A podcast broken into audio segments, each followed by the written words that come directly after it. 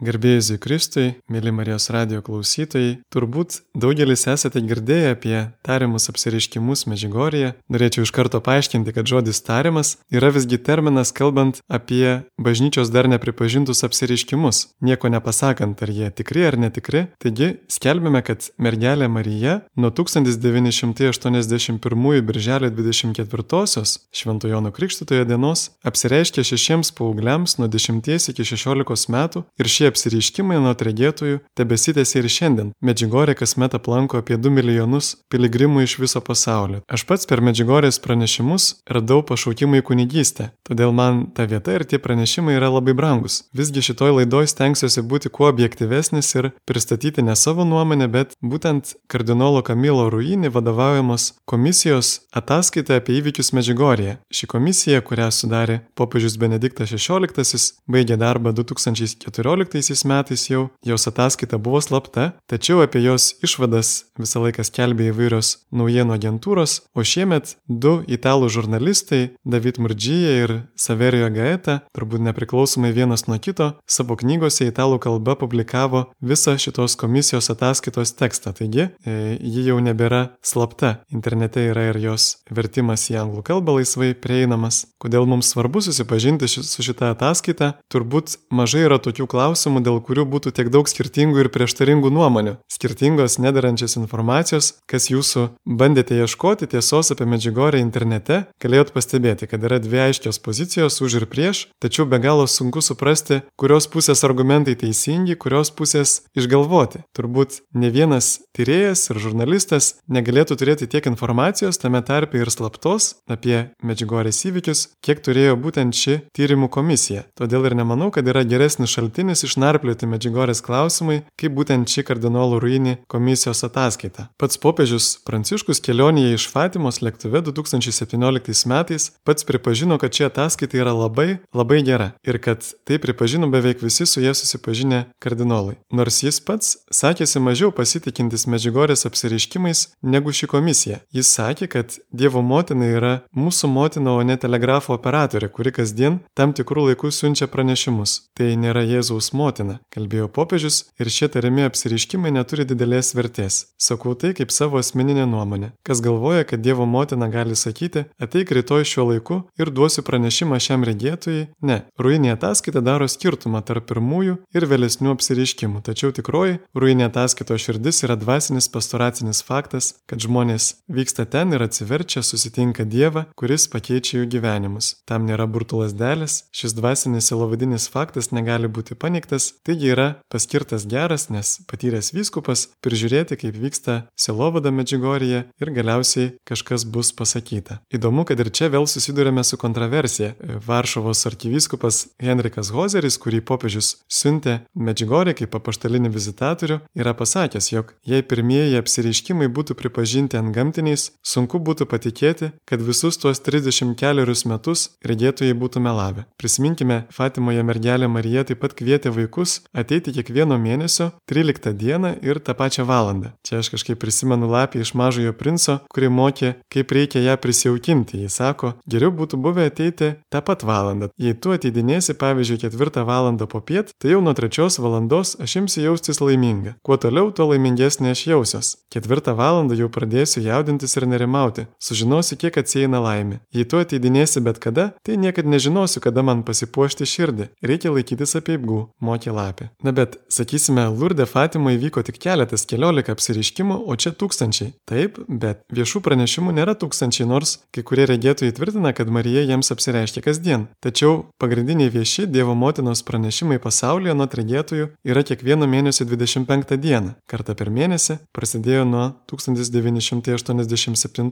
Tokių pranešimų yra netoli 400. Dar buvo viešų pranešimų antromis mėnesių dienomis per regėtoją Mirjaną, tačiau jie liovėsi. Taip pat iki tol būta kas savaitinių pranešimų Medžiugorės parapijai tarp 1984 ir 87 kiekvieną ketvirtadienį. Bet įdomiausia man tai, kad popiežius Pranciškus, būdamas Buenos Airių arkivyskupu, turėjo apsireiškimų vietą vadinamą Argentinos Medžiugorė. Rožinio Dievo motina apsireiškia Gladys Kviroga Demota beveik kasdien nuo 1983 rugsėjo 25. -osios. Visi iš eilės vietos viskupai palaikė šios įvykius, davė imprimatur pranešimų spausdinimui ir 2016 metais jie pripažinti ant gamtiniais. Taigi bažnyčia kol kas patvirtino 1816 pranešimų beveik kasdien duotų regėtojų gladys per pirmosius septynerius apsireiškimų metus iki 1990-ųjų. Tačiau apsireiškimai dar nesiliovė, pranešimų yra gerokai daugiau, juos šiuo metu tyria vyskupas ir teologų komisija. Pati gladys beveik nemokėjo nei rašyti, nei skaityti, bet ji tiksliai užrašydavo visus pranešimus. Ji taip pat gavo stigmas riešuose, kojose, šonėje ir ant pėties. Toje vietoje vyko daug dokumentuotų stebuklingų išgyjimų. Pavyzdžiui, vienas vaikas pasveiko nuo smegenų auglio. Tiesa, Vatikanas nesiniai paprašė nebeskelbti naujų tos vietos pranešimų. Medžiugorėje pranešimai yra labai paprasti. Pavao Žanič, tuometinis Moštaro vyskupas savo brošiūroje išsiuntinėtoje pasaulio viskupams pavadino Medžiugorės pranešimus beverčiais, nes jie tokie patys kaip ir Marijos pranešimai visame pasaulyje - melstis, atsiversti, atgailauti ir tas paprastumas man primena Švento Pranciškaus skelbimą į atgailą, kaip žinome, jis neturėjo leidimo teologiniams pamokslams, galėjo sakyti tik pamokslus kviečiančius į atgailą ir atsivertimą. Įsivaizduokime, jeigu, pavyzdžiui, biblinės Ninevės gyventojai būtų sakę, ai pranašas Jona nesako nieko naujo, mes jau daug kartų girdėjome, kad reikia atsiversti, kitą kartą paklausysime. Tuomet Ninevė būtų buvusi sunaikinta. Arba ar tie, kurie klausosi Jono Krikštitojo, irgi galėjo sakyti, tai, kad tu kalbi nieko naujo, visas šventas raštas apie tai. Bet šitos kelbimo tikslas ir nebuvo apreikšti ką nors naujo, juk viskas jau yra apreikšta Jėzuje Kristuje. Bet apaštalas Paulius kalba apie skirtingas charizmas, tame tarp ir pranašystės dovana, ir raginimo dovana netgi. Kitoje vietoje viename laiškyje jisai sako, kad man nesunku kartoti visą laiką tą patį, bet jums tai naudinga. Aš prisimenu savo atsivertimo pradžioje, buvau nekrikštytas ir maniau, jog, na, mačiau, kad yra daugybė religijų mokymų, tie naujieji religiniai judėjimai, kaip susitaręs kelbė, kad Biblija yra pasenusi ir kad dangus duoda naują mokymą. Aš tikėjau, kad yra kažkas daugiau, kad Dievas yra. Tuomet į rankas man pakliuvo knygelė apie Marijos apsireiškimus. Jų metu vykdavo stebuklai, daug žmonių pasveikdavo iš nepagydomų lygų, regėtojams atsiverdavo stigmos, kartais net minios žmonių regėdavo mergelę Mariją. Ir tuos ženklus lydėjo mergelės Marijos žodžiai visuomet visame pasaulyje labai panašus. Skaitykite Bibliją, ji nėra pasenusi. Melskitės, ypatingai rožinį, klausykite popiežiaus ir jo viskupų, eikite iš pažinties, Jėzus tikrai yra švenčiausiame sakramente. Ir tie Marijos apsireiškimai man būtent buvo ženklas, kad tikras tikėjimas ir tiesa yra čia, katalikų bažnyčioje. Vien dėl jų, iš pradžių dėl jų, aš pasilikau katalikų bažnyčioje ir galėjau geriau pažinti tą jos lobyną ir geriau pats įsitikinti, kad tai yra teisinga. Bet kodėl ta Marijos pranešimų tokia gausa? Manau, kad atsakymą galėtume rasti Fatimoje. Jėzus Fatimos vaikams kalbėjo, kad nori įsteigti pamaldumą nekalčiausiai Marijos širdžiai, kad per jį būtų išgelbėta daugybė sielų einančių į pragarą. Be to prisiminkime, taip pat Fatimoje Marija sakė, kad Jėzus jai pavedė globoti taiką pasaulyje. Jei pasaulis būtų paklausęs Fatimos žinios, antrojo pasaulinio karo ko gero būtų išvengta. Be to, anot Medžiugorės regėtojų, tai yra ypatingos malonės laikas ir paskutiniai mergelės Marijos apsireiškimai žemėje. Klausimas paskutinė prieš ką? Nežinome, bet man ateina į galvą Šventosios Faustinos dienoraščio mintis, Jėzaus mintis, kad dabar yra gailestingumo laikas, gailestingumo diena prieš ateinant didžiai teisingumo dienai. Pranašo Izaijo knygoje yra tokia eilutė - ilgai tylėjau, ilgai lūkuriavau ir susilaikiau, bet dabar aš šaukiu kaip gimdyvė, dustu ir aikčiui. 42 skyrius 14 eilutė. Manau, kad ji labai tinka mergeliai Marijai ir ypač jos apsiriškimams Medžiugorėje ir visose pasaulio vietose. Tikra motina niekada nesėdi rankų sudėjusi ir netyli, kai jos vaikai žūsta, bet iš tikrųjų šaukia iš visų jėgų. Ką apie Medžiugorę sakė tyrimų komisijos, pirmąją komisiją įkūrė vietos vyskupas Pavao Žaničas 1982 sausį. Ji nesėmė rimtesnių tyrimų, veikė porą metų ir nepateikė jokių pranešimų spaudai. Tuomet vyskupas Žaničas papildė narių sąrašą ir pradėjo veikti antroji komisija, paskelbusi, jog pritarė šventojo sosto raginimui neskubėti priimti sprendimų dėl Medžiugorės. Tačiau jau tų pačių metų spalį vyskupas Žaničas visam pasauliu paskelbė dokumentą pavadinimu Aktuali neoficiali Moštaro viskupijos kurijos pozicija dėl įvykių Medžiugorėje, kuriame paneigė apsiriškimų Medžiugorėje antgamtiškumą. 85 metų balandį jis gavo Vatikano valstybės sekretoriaus kardinolo Kasarolį memorandumą, kuriame buvo raginamas nustoti viešai skelbti savo asmeninę nuomonę ir atsisakyti ketinimo priimti nuosprendžius apie Medžiugorės įvykius, kol jie nebus dar tinkamai ištirti. 86-aisiais vyskupo Žaničio vadovaujama komisija priėmė sprendimą dėl įvykių Medžiugorėje non constat de supernaturalitate. Čia reikėtų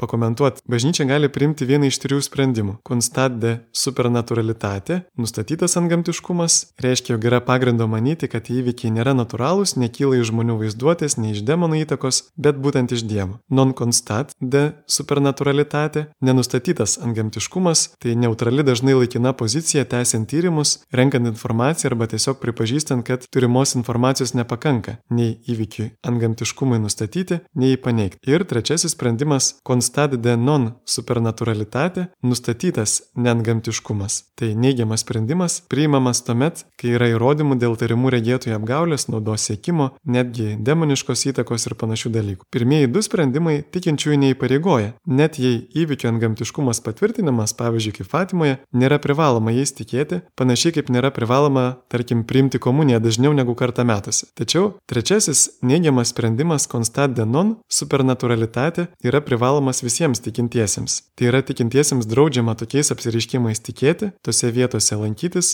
skaityti jų pranešimus ir neklusnumas tam jau yra nuodėmė. Tokių uždraustų apsireiškimų pavyzdys galėtų būti dieviškojo gailestingumo Marijos skelbimi pranešimai, dėja aktyviai platinami ir Lietuvoje, pavyzdžiui, interneto svetainėje perspėjimas.lt ir tie apsireiškimai yra paskelbti ne ant gamtiniais. Tiesa, kad bažnyčia gali suklysti, pavyzdžiui, Šventos Faustinos dienoraštis Šventasis popiežius Jonas 23 buvo įtraukęs į uždraustų knygos indeksą, bet anksčiau ar vėliau bažnyčia visada pasitaiso. Veikiau įvairūs tie drausminantis ir ribojantis bažnyčios sprendimai būna išbandymas, ar tariami regėtojai ir tie, kas su jais susiję, paklus bažnyčiai. Prisiminkime tėvo Pijaus atvejį, kai jam buvo kurį laiką draudžiama klausyti iš pažinčių. Taigi visoje 2000 metų bažnyčios istorijoje klusnumas visuomet yra pagrindinis dvasių skirimo kriterijus. Taip pat aišku ir vaisiai. Kaip sako Šventoji Faustina, šetonas dažnai gali apsimesti nuolankumo apseustų, bet niekuomet negali prisimti klusnumo apseustų. 1987 metais kardinolas Ratzingeris, tuometinis tikėjimo mokymo kongregacijos prefektas, pirmą kartą bažnyčios istorijoje atleido vietinį vyskupą nuo apsireiškimų tyrimo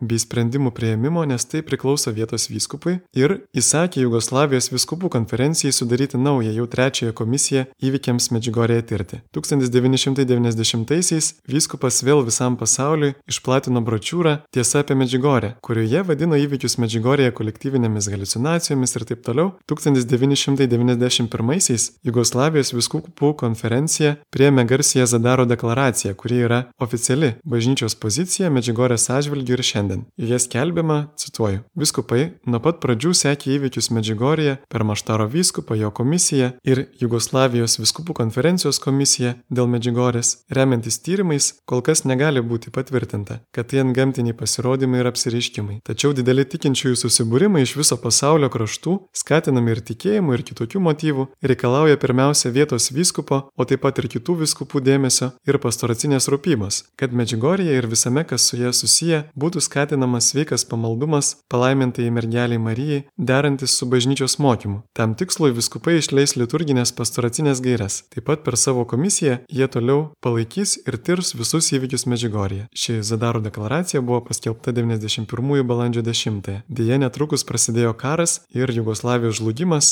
nutraukė komisijos darbą. Praėjus beveik 20 metų nuo šios komisijos darbo pabaigos ir beveik 30 metų nuo tarimų apsireiškimų pradžios 2010-aisiais Vatikanas sudarė ketvirtąją komisiją įvykiams Medžigorėje tirti. Komisijos tikslas buvo surinkti ir ištirti visą medžiagą susijusią su Medžigorė, pristatyti tyrimo ataskaitą su balsavimu dėl įvykių antgamtiškumo ir taip pat pasiūlyti labiausiai tinkamus silovadinius sprendimus. Tarptautinė komisija sudarė 13 narių ir 4 ekspertai, kai kurie iš jų buvo ir ankstesnių Medžigorės komisijų nariai. Ši komisija dirbo ketverius metus, turėjo 17 plenarinių posėdžių, tyrė praeitų komisijų darbą, tikėjimo mokymo kongregacijos Medžigorės, parapijos, Sarajevo slaptųjų tarnybų ir Moštaro policijos turimą medžiagą apie Medžigorę, apklausė vietos vyskupą Pranciškonų provinciolą, šešis regėtojus, kunigą, kuris apsiriškimo pradžioje buvo Medžigorės klebonų, du pirmosios Medžigorės komisijos narius, septyni komisijos nariai atliko ir nuodugnę Medžigorės inspekciją ten nuvykę. Ruinėje ataskaitoje minimi du istoriniai faktai, kurie stipriai paveikė bažnyčios netgi ir, ir visų žmonių požiūrį į Medžigorę. Pirmasis - tai vadinamasis Hercegovinos klausimas. Ši problema jau yra ankstesnė už apsireiškimus, prasidėjusi jau XIX amžiai. Trumpai tariant, tai persekiojimo metu diecesniai kunigai buvo pasitraukę, o pranciškonai buvo likę su žmonėmis, kai kurie net jų buvo okupacinės valdžios nukankinti. Vėliau, kai pavojus praėjo, vietos popiežius viskupai pareikalavo pranciškonus pasitraukti ir gražinti žemės viskupijai, tačiau tai labiau žrūstino vietinius gyventojus, kai kurie jų net griebdavosi prievartos prieš diecezinius kunigus ir kartu maldavo pranciškonų neišvykti, nors toks buvo vyskupo įsakymas. Ir antra, neseniai buvo atrasti Jugoslavijos slaptųjų tarnybų dokumentai, jog komunistų valdžia visai stengiasi sukompromituoti Medžiugorės įvykius ir su jais susijusius žmonės. Jis kelbė apgulingą informaciją, padirbtus dokumentus apie tai šantažavo ir taip toliau.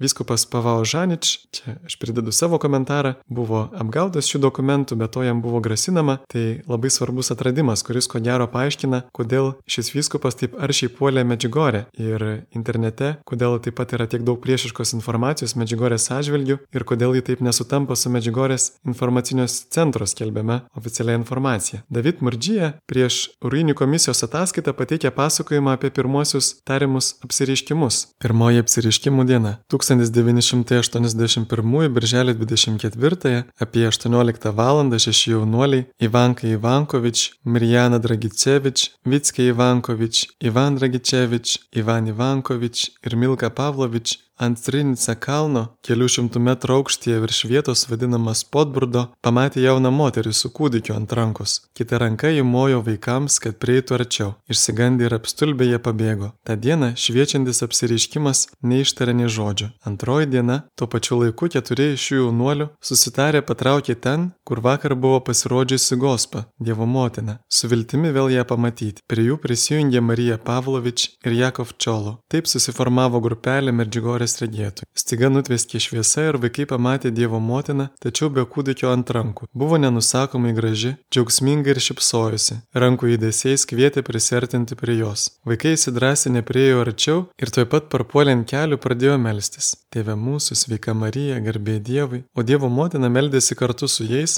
išskyrus maldą sveika Marija. Po maldos jį pradėjo pokalbį su vaikais. Ivanka tuoj pat paklausė apie savo mamą, kuri mirė prieš du mėnesius. Mirjana prašė Gospos parodyti parodyti kokį nors regimą ženklą, kad jų nekaltintų melu ar pamišimu, nes jie jau patyrė tokius kaltinimus. Pabaigoje Dievo motina atsisveikino su jais žodžiais su Dievu, mano angelai. Trečią apsiriškimų dieną, birželio 26-ąją, vaikai nekantriai laukė tos valandos, kada vėl pasirodys jiems gospa. Vaikai labai džiugavo, tačiau jų džiaugsmas kiek maišėsi su baime dėl nežinomybės, kuo visa tai baigsis. Nepaisant to, jie jautė, kad kokia tai vidinė jėga traukė juos į apsiriškimų vietą. Einant pakeliui tris kartus tvykstelėjo šviesa. Tai buvo ženklas jiems ir juos lydintiems, kur jų laukia Dievo motina. Dar prieš išeinant iš namų, vyresnių moterų nurodymų vienas vaikus lydinčių žmonių pasiemė su savimi švesto vandens, kad vaikai jo pašlakstytų vaiduoklį ir taip apsigintų nuo šetono žabangų. Kai Gospa pasirodė, Vitska paėmė tą vandenį, pašlakstė ją ir pasakė, jeigu esi Dievo motina, pasilik su mumis, jeigu ne, pasitrauk nuo mūsų. Ji į tai nusišypsojo ir liko su vaikais. Tada Mirjana paklausė, kuo ji vardu ir jie atsakė, esu palaimintoji mergelė Marija. Ta pačia diena, lipant žemyno Podbrudo kalno, Dievo motina dar kartą pasirodė, bet tik Marijai ir pasakė - taika, taika ir tik taika. Už jos buvo kryžius, verkdama į du kartus pakartojo - taika turi įsivyrauti tarp Dievo ir žmogaus, taip pat tarp žmonių tarpusavyje. Čia galima pridurti, kad kruatų kalba mir, kaip ir rusų kalboje, reiškia ir taika, ir ramybė. Ketvirta apsiriškimų diena apie vidurdienį parapijos klebonas kuningas Jozuzovko, kurio nebuvo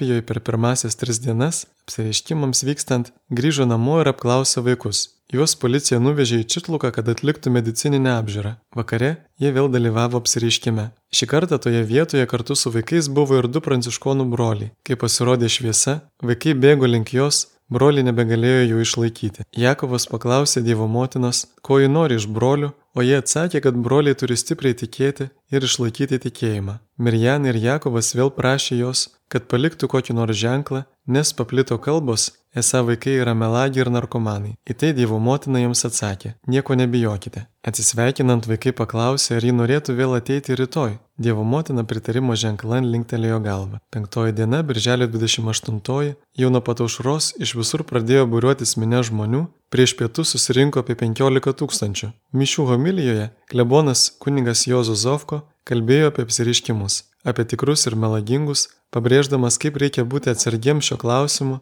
nes pats Kristus perspėjo mus saugotis netikrų pranašų. Dievo motina vėl pasirodė įprastu laiku. Vaikai meldėsi kartu su ja, o po to jie uždavinėjo rūpimus klausimus. Viską paklausė, mano gospa, ko tu iš mūsų tikiesi? Jie atsakė, tegul žmonėje meldžiasi ir tvirtai tiki. Toliau jį klausė mano gospo, ko tu tikiesi iš kunigų. Jie atsakė, kad tvirtai tikėtų ir stiprintų kitus tikėjime. Ta diena Dievo motina pasirodė dar keletą kartų. Pasitaikius progai, vaikai jos paklausė, ar ji negalėtų apsireikšti bažnyčioje, kur visi žmonės galėtų ją regėti. Dievo motina atsakė, palaiminti, kurie tiki nematė. Šeštoji apsiriškimų diena. Vaikai priverstinai buvo nuvežti į Moštaro miestą medicininiams tyrimams. Po patikrinimo jie buvo pripažinti sveikais. Virgydytoja pareiškė, vaikai nėra nenormalūs, bet nenormalus tas, kuris juos čia atvedė. Ta diena žmonių ant kalno buvo daugiau negu visada. Kai tik regėtojai atėjo į įprastą vietą ir pradėjo melstis, Dievo motina tuoj pat jiems apsireiškė. Ta proga jį pakvietė visus žmonės tikėti. Tegul žmonės tvirtai tiki ir nieko nebijo, sakė ji. Ta pačia diena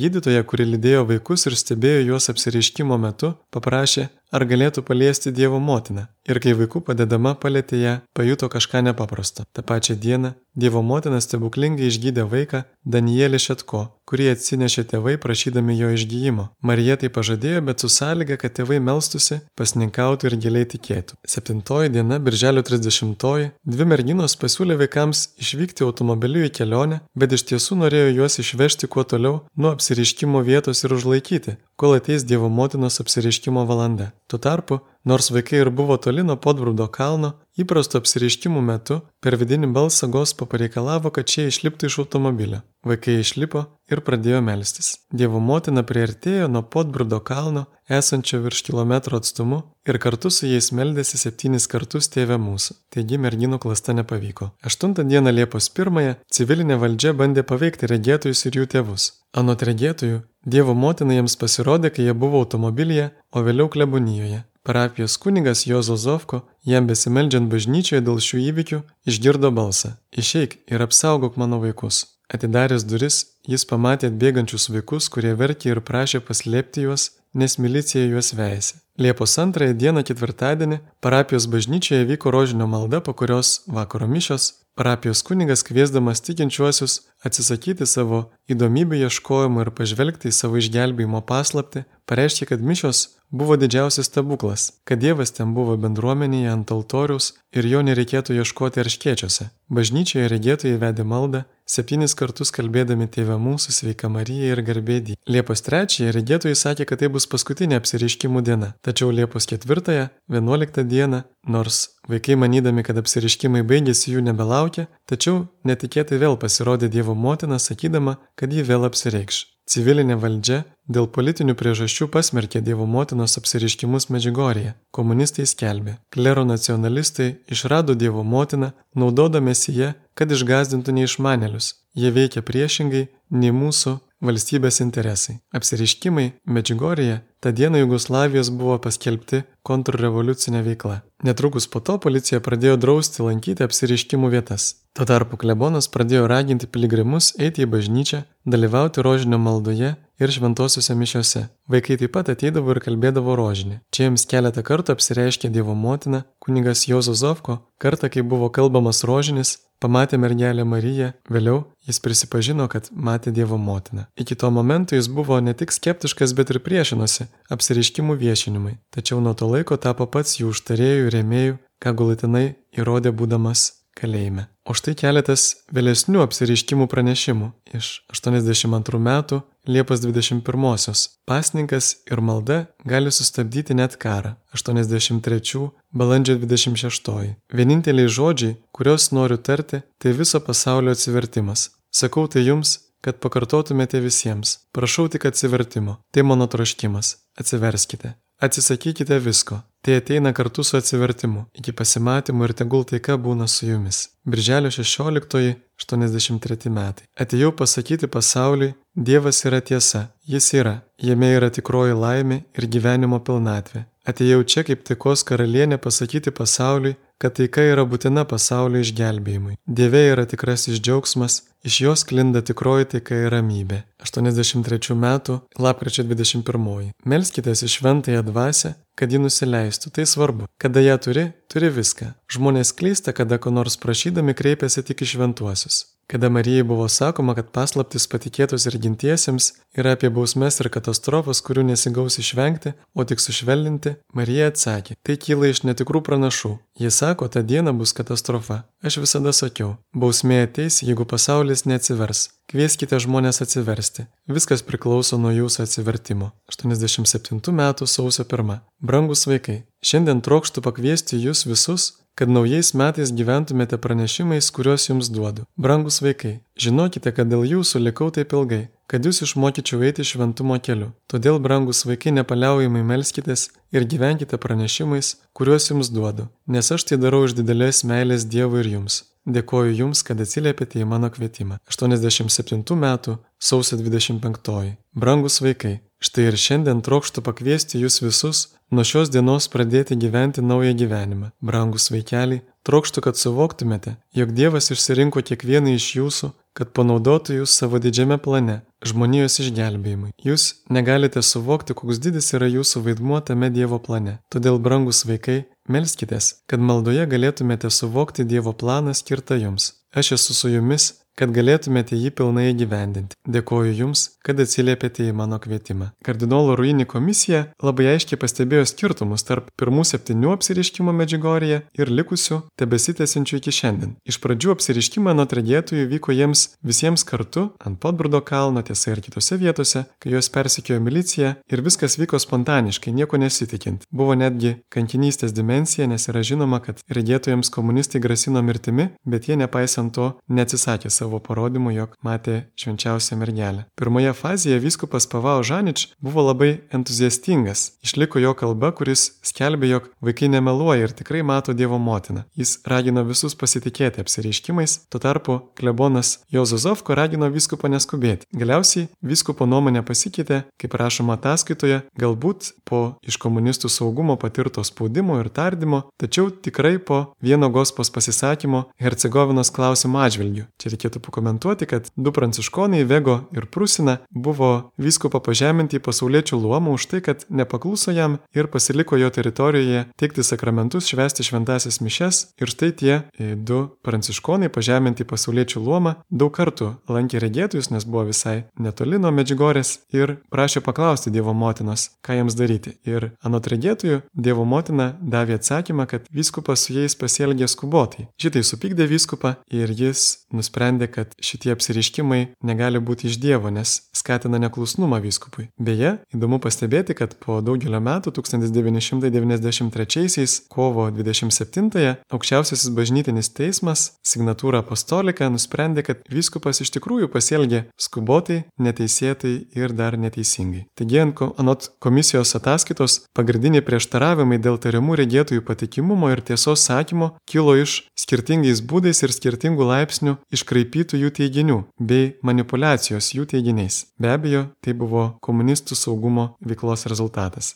Komisija įsitikino, kad regėtojai yra normalūs žmonės ir psichologiškai sveiki. Aišku, komisija netmeta ir tam tikrų iškraipimų kilusių ne iš blogos valios. Jis sako, kad ir autentiški apsireiškimai nėra laisvi nuo žmogiškų klaidų. Pabrėžiamas skirtumas tarp viešojo apreiškimo, kuris viršūnė pasiekė Dievo Sūnaus įsikūnyjime, ir privačių apreiškimų visuomet sąlygojimų - regėtojų patirties, gabumų gyvenamosios aplinkos išsilavinimo. Antrojoje apsireiškimų fazėje tie apsireiškimai jau vyko asmeniškai regėtojams, jie buvo buvo suplanuoti, laukiami, nebebuvo netikėti. Pirmosios fazės apsiriškimų komisija anot jos negali paaiškinti natūraliomis priežastimis. Visų šešių regėtojų liudymai labai nusekliai sutarė dėl šio turinio, būtent, kad Dievo motina vadinama taikos karalienė, kad ji turi prašymų bei pranešimų visiems tikintiesiems, kuriuos sudaro keturi dalykai. Pirma, karštas grįžimas į tikėjimą, antra, atsivertimas, trečia, uli malda ir pasninkas, ketvirta, nuolatinis taikos maldavimas. Regėtojai nebuvo nebuvo paveikti nei pranciškonų, nei kitų žmonių,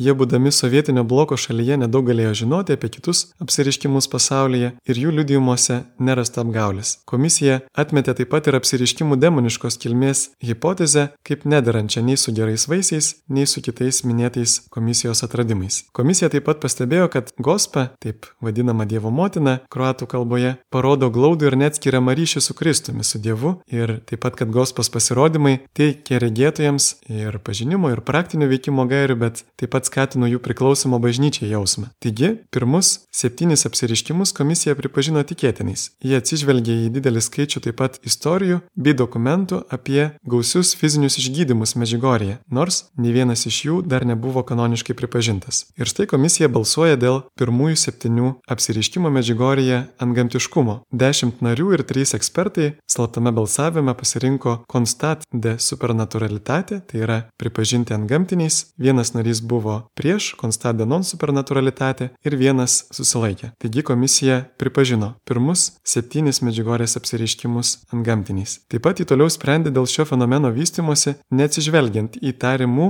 regėtojų gyvenimą. Fenomeno vystimasis patvirtina daug gausių Evangelijos vaisių, gausus atsivertimai, dažnas grįžimas į sakramentų praktiką, ypač Euharistį ir išpažinti, gausus pašaukimai į kunigystę ir pašvestą į bei šeimos gyvenimą. Dabartinis apaštalinis vizitatorius Medžigorėje Henrikas Hozeris minėjo, kad yra daugiau kaip 600 dvasinių pašaukimų Medžigorėje. Aš taip pat galėčiau priskirti save tam skaičiui. Taigi visi tie vaisiai labiau susiję su Medžigorės vieta negu su regėtojais. Ir Medžigorės dvasingumas taip stipriai paplito, kad nebegalima manyti, jog tai kažkieno manipulacija. Atsargiai komisija duoda tokį palyginimą, kad maža sėkla neša labai didelių vaisių. Taigi net ir bet kokie regėtojai tolimesni gyvenimo įvykiai, asmeninio gyvenimo įvykiai nebegali sukompromituoti pirmųjų Medžigorės apsiriškimų ant gamtinės kilmės. Ir tos keturios pirmųjų įvykių dimensijos, būtent raginimas grįžti į tikėjimą, atsiversti, uoliai melstis ir pasninkui, tai melstis taikos, dabar jau yra ir Dievo tautos paveldas, teikia komisija. Toliau vyko balsavimas dėl vaisių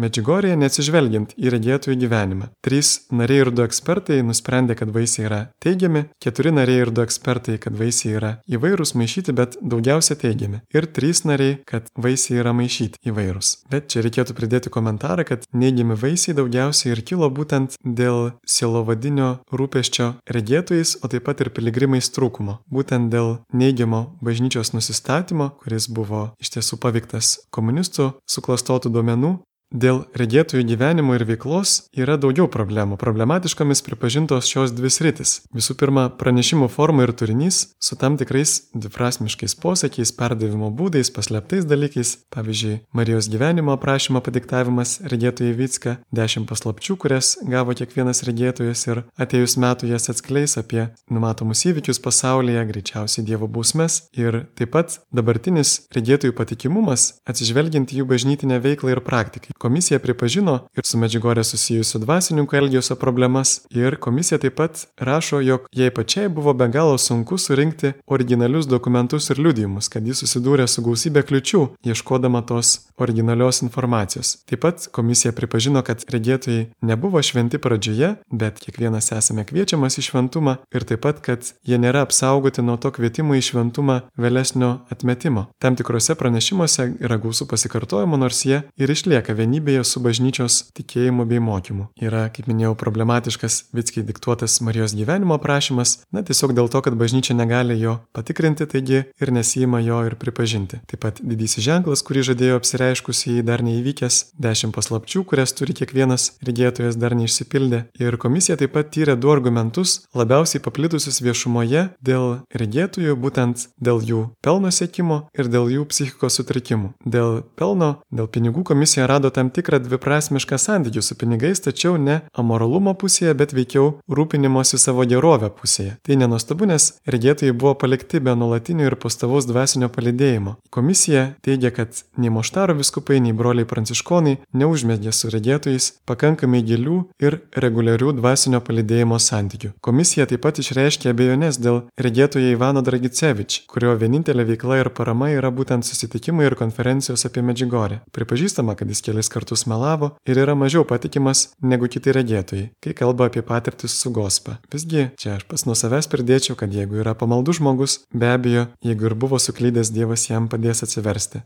Komisija pripažįsta, kad nors tolesni įvykiai ir apsiriškimai turi skirtingą pasakojimą ir patikimumą, jų visgi negalima priskirti psichiniams sutrikimams ar net atviram moralumui, nebent tai įmanoma Ivan Dragicevič atveju, tad komisija iškėlė įvairių psichologinių hipotezių, kaip paaiškinti tolesnius reiškinius, jeigu tai nėra lyga ar apgaulė. Buvo balsuojama dėl tų tolesnių antros fazės apsiriškimų ant gamtiškumo, aštuoni nariai ir keturi ekspertai pasirinko balsą non dum decernendum, Tai reiškia, kad dar negali nuspręsti ir du balsavo prieš constat de non supernaturalitate. Tiesiog komisija pati pripažino, kad kadangi šie įvykiai tebesitėse, ji kol kas negali spręsti apie jų antgamtiškumą, tačiau svarbiausia yra šiuo metu tinkamas ir pagarbus, ugdantis dvasinis palidėjimas būtent tų žmonių, kurie su šiais reiškiniais susiję ir ypač regėtojų. Toliau komisija pasiūlė keisti dabartinį bažnyčios požiūrį į Medžigorės įvykius, kadangi piligrimystės į Medžigorę davė gausių malonės vaisių, bažnyčia turi priimti pozityvų,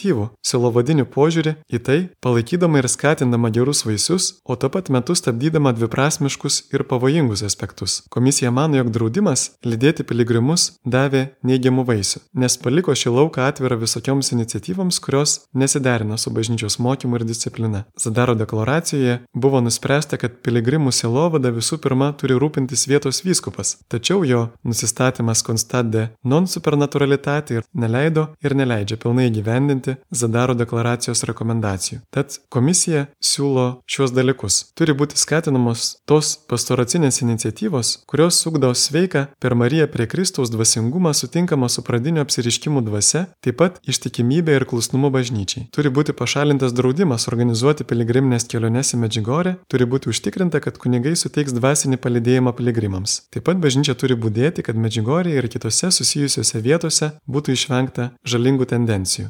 Balsavime dėl draudimo organizuoti keliones į Medžigorę panaikinimo 10 narių ir 3 ekspertai balsavo už, vienas nebalsavo. Problemos dėl bažnytinės valdžios vykdymo Medžigorėje, kadangi vyskupas nuolat palaiko neigiamą poziciją Medžigorės atžvilgių, jam turi būti leista garbingai pasitraukti, kadangi Medžigorė pranoksta vienos šalies ribas, yra tapusi de facto šventovė su gausiais malonės vaisiais, beje, ataskaita daug kartų mini gausius teigiamus malonės vaisius Medžigorėje, ji turėtų būti paskelbta kaip popiežiška šventovė. Kanonų teisėje šventovė yra bažnyčia ar kita šventa vieta, kuri su vietos vyskupo leidimu dėl tam tikro pamaldumo lankoma tikinčiųjų kaip piligrimų. Visgi komisija susirūpinusi, kad tai nebūtų per staigus paskelbimas, kad tikintieji neprimtų to kaip faktų, jog viskas, kas susijęs su Medžigorė, jau yra bažnyčios aprobuota. Tad balsavimas įvyko dėl bažnytinės valdžios Medžigorėje, septyni nariai ir trys ekspertai balsavo, kad tai būtų valdžia priklausoma nuo šventojo sosto, keturi nariai, kad tai būtų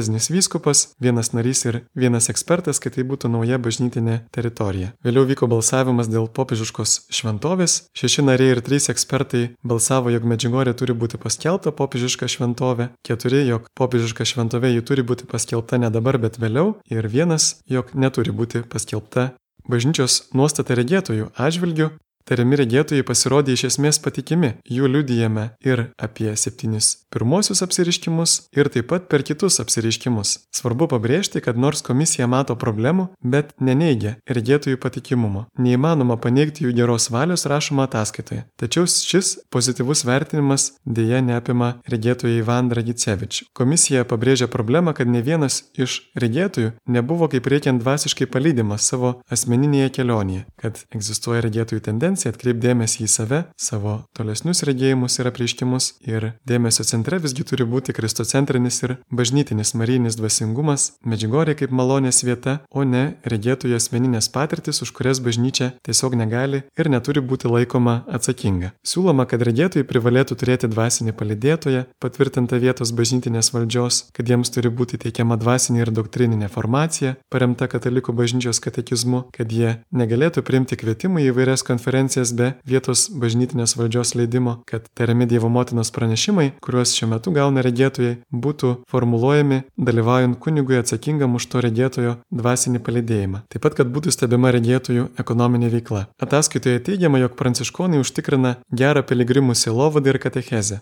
Teikiama įvairių specifinių pasiūlymų Medžigorės parapijai. Taip pat raginama stebėti bendruomenės, kurios veikia Medžigorėje. Dėl Medžigorės grupių pasaulyje ir piligrimų silovados kiekvienos viskupijos viskupai raginami paskirti kunigą atsakingą už Medžigorės grupių, o kartu ir piligriminių kelionių dvasinį palidėjimą. Piligrimystės teikia labai didelės galimybės selovadai, nes tuo metu piligrimai būna dvasiškai atviri, trokšta būti išklausyti, jiems reikia padėti susitaikyti su Dievu ir su artimu. Ir pabaigoje komisijos ataskaitos pateikiamas gydytojos Darinkos Šumanovič Glamuzinos liudijimas. Tame liudijime ji rašo, jog būdama 24, kaip tik prieš apsiriškimus lankėsi regėtojų namuose kartu kartu su jais meldėsi, kartu dalyvavo pirmose apsiriškimuose. Ji pasakojo savo patirtį, jo kaip gydytoja nuėjo ant apsiriškimų kalno, kad patikrintų tuos apsiriškimus. Tai buvo penkta ar šešta apsiriškimų diena, jos užduotis buvo stebėti regėtojų elgesį namuose, tai įvykiai tuomet buvo tikras skandalas ir jis siekė atkalbėti vaikus, kad jie galiausiai nebeita ant kalno. Aš galvojau, kaip jis sako, kad tai buvo manipulacija. Tačiau pamaldos tam tikrų metų visi vaikai vienu balsu staiga pasakė, dabar eikime į kalną. Nieko negalėjau padaryti, sako ši moteris, jie su tokia energija nubėgo ant kalno. Aš bėgau iš paskos. Jie nieko nekalbėjo ir staiga vėl visi kaip vienas sustojo ir tarė, taip, čia ši vieta. Stovėjau šalia ir meldžiausi kartu rožinį, galvojau, kad tai kolektyvinė hipnozė ar manipulacija. Tuomet staiga vėl visi kartu vienu balsu sušuko, štai ji ir atsiklopė bei pradėjo su ja kalbėtis. Ant kalno tuo metu buvo keli tūkstančiai žmonių. Žmonės prašė pasimelsti dėl įvairių dalykų, išgyjimų. Aš pasakiau, ar galiu paklausti Dievo motinos. Regėtoja viską paklausė jos ir pasakė, kad galiu. Sakau, viską paklausk, kas tu? Jie atsakė, kad taikos karalienė. Pagalvojau, kokia taikos karalienė, mes juk gyvenam taikoje. Toliau klausiau, kodėl čia atėjote ant šito kalno, nes čia stiprus tikėjimas, atsakė ji. Paklausiau, ar galiu ją paliesti. Lėčiau, jaučiu kažką nepaprasto, jie aprašo savo ypatingą vidinę patirtį ir tuomet rašo, kad staiga pajaučiu, kad to nebeliko, kad ji dingo. Paklausiau, Vicka, kas čia buvo? O jie atsakė, kad Marija pasakiusi, visuomet yra netikinčių judų. Kita regėtoja Mirjana, matydama mano sumišimą ir gailėdama pasakė švelniau, visuomet yra tikinčių, netikinčių ir judų. Toliau Darinka liudija, kad šie žodžiai visiškai pakeitė jos visą tolesnį gyvenimą. Taigi, galime matyti, kad popiežius pamažu įgyvendino komisijos rekomendacijas. Praeitų metų, gegužės 12, buvo nuimtas draudimas viskupijoms, parapijoms organizuoti keliones į Medžigorę Visai neseniai popiežius paskyrė naują maštaro vyskupą vietoj buvusio Petr Palič ir jeigu pranašautos regėtojų turimos paslaptys išsipildys, jie atsiras žadėtas nuolatinis ženklas netikintiesiems, tai ir parodys, ar tolesni apsiriškimai Medžigorėje buvo tikri.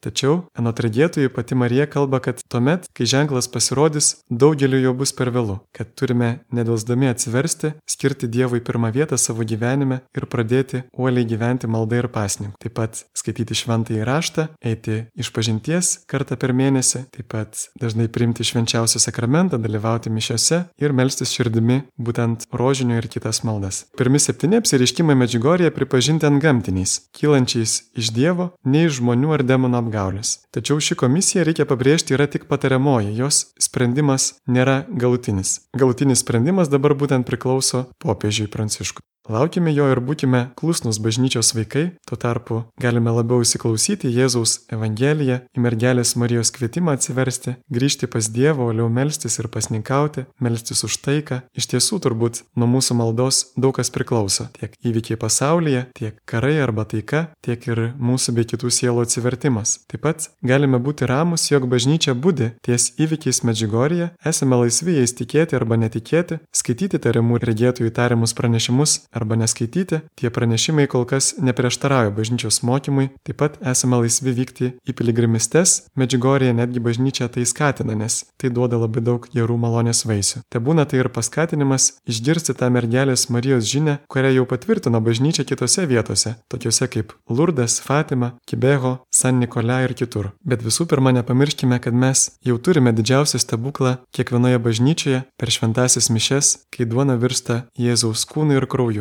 nėra didesnio stebuklo ir taip pat nėra žodžių vertingesnių už Jėzaus žodžius Evangelijoje. Amen.